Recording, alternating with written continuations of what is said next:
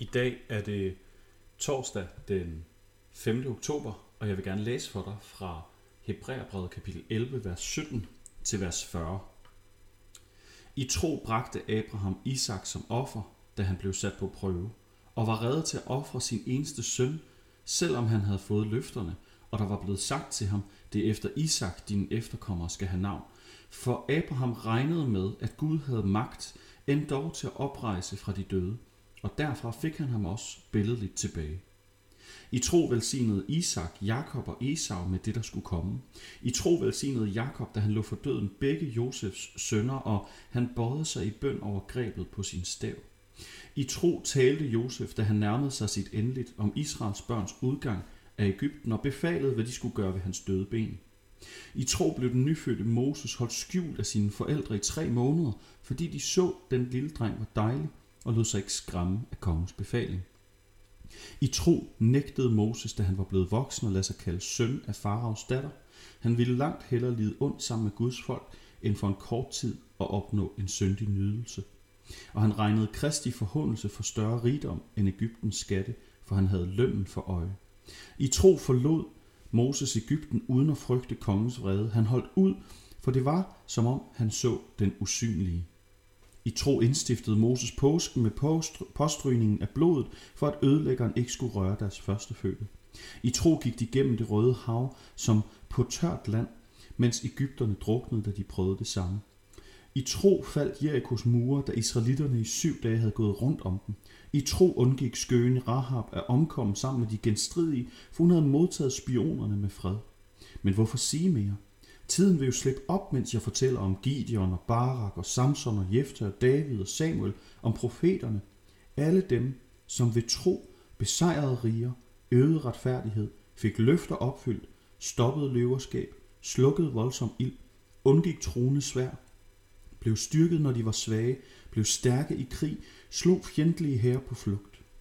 Kvinder fik deres døde igen ved opstandelse, andre blev pint til døde og afvist og lade sig købe fri, for at de kunne opnå en bedre opstandelse. Andre igen måtte udstå spot og pisk, ja lænker og fængsel, de blev stenet, gennemsævet, døde for sværet, eller gik omkring i forskin og gedehud, og led nød og trængsler blev mishandlet. De var for gode til denne verden, og måtte flakke om i ørkner, på bjerge, i huler og i jordens kløfter. Alle disse, hvis tro er bevidnet, opnåede dog ikke at se løftet opfyldt. For Gud havde for vores skyld noget bedre for øje, nemlig at de ikke skulle nå målet uden os. I tro. Hvad ligger du i det ord tro? Hebræerbrevets forfatter fortæller os tidligere i vers 1 af kapitel 11, at tro er fast tillid til det, der håbes på, og bevisning om det, der ikke ses. Tillid, håb og bevisning. Det er tro. Og det vi lige har læst sammen er en opremsning af alle trosheltene i det gamle testamente. Alt hvad de måtte gennemleve, alt hvad de måtte leve i uklarhed omkring, alle prøvelserne, alle smerterne, alle de store og glorværdige øjeblikke, hvor Gud virkelig førte sin vilje igennem. Hvad skal vores kapitel i Guds fortælling med mennesker være kendetegnet ved? Det samme. Altså tro. Håber vi på Gud? Er vi overbevist om Guds godhed? Har vi tillid til Gud? Sådan som trosheltene jo med deres historier opmuntrer os til at have det. Eller er vores liv mere kendetegnet ved stolthed, ved tvivl? Der er en grund til, at Hebræerbreds forfatter fortæller de her historier på den her måde, opremser dem, så det bliver så voldsomt og så stort og så mangfoldigt, nemlig at indgyde håb om, at det ikke kun er i fortiden, det her er sket.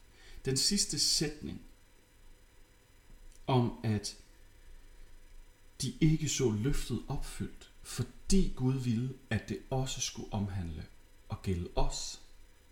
Det er det, der skal give os håb om, at vores fortælling kan blive indskrevet i den samme bog. Måske ikke lige i kanonen. nok ikke lige i kanonen, nej, men at Guds fortælling med os på samme måde kan blive kendetegnet ved tro. Og vi er så heldige, at vi ikke skal håbe på et løfte, som endnu ikke er opfyldt, men vi kan glæde os over at se tilbage på, at løftet er opfyldt. Vi har gode grunde til at have tillid. Vi har gode grunde til at håbe. Vi har gode grunde til at være overbevist. For vi har Jesus som en mand, vi kan møde, høre, læse om, lære at kende. Og det var noget, de ikke havde. I dag, hvordan skal det komme til udtryk, at du har tillid til Gud? At du er overbevist om, at han ved dig det godt? At du håber på noget, som kun han kan give? Er der noget, du i dag kan mærke, det her skal jeg gå i tro på? Er der noget, du i dag ved, det vil kræve, at jeg er mere overbevist om Gud end om mig selv? Så vil det være min opfordring at træde ud på vandet i den her tro på, at Gud han vil være med og holde dig oppe. Lad os bede sammen. Gud, tak for de her mange gode vidnesbyrd om, at du har været med, at selvom mennesker ikke så eller indså, hvordan du ville overholde dine løfter og opretholde de aftaler, du havde lavet med dem, at de alligevel troede på, at det kunne ske, og derfor fortsatte med at følge dig og dine anvisninger. Vil du gøre det samme med os? Du giver os tillid, overbevisning og håb til dig. Amen. Giv han have en rigtig dejlig dag.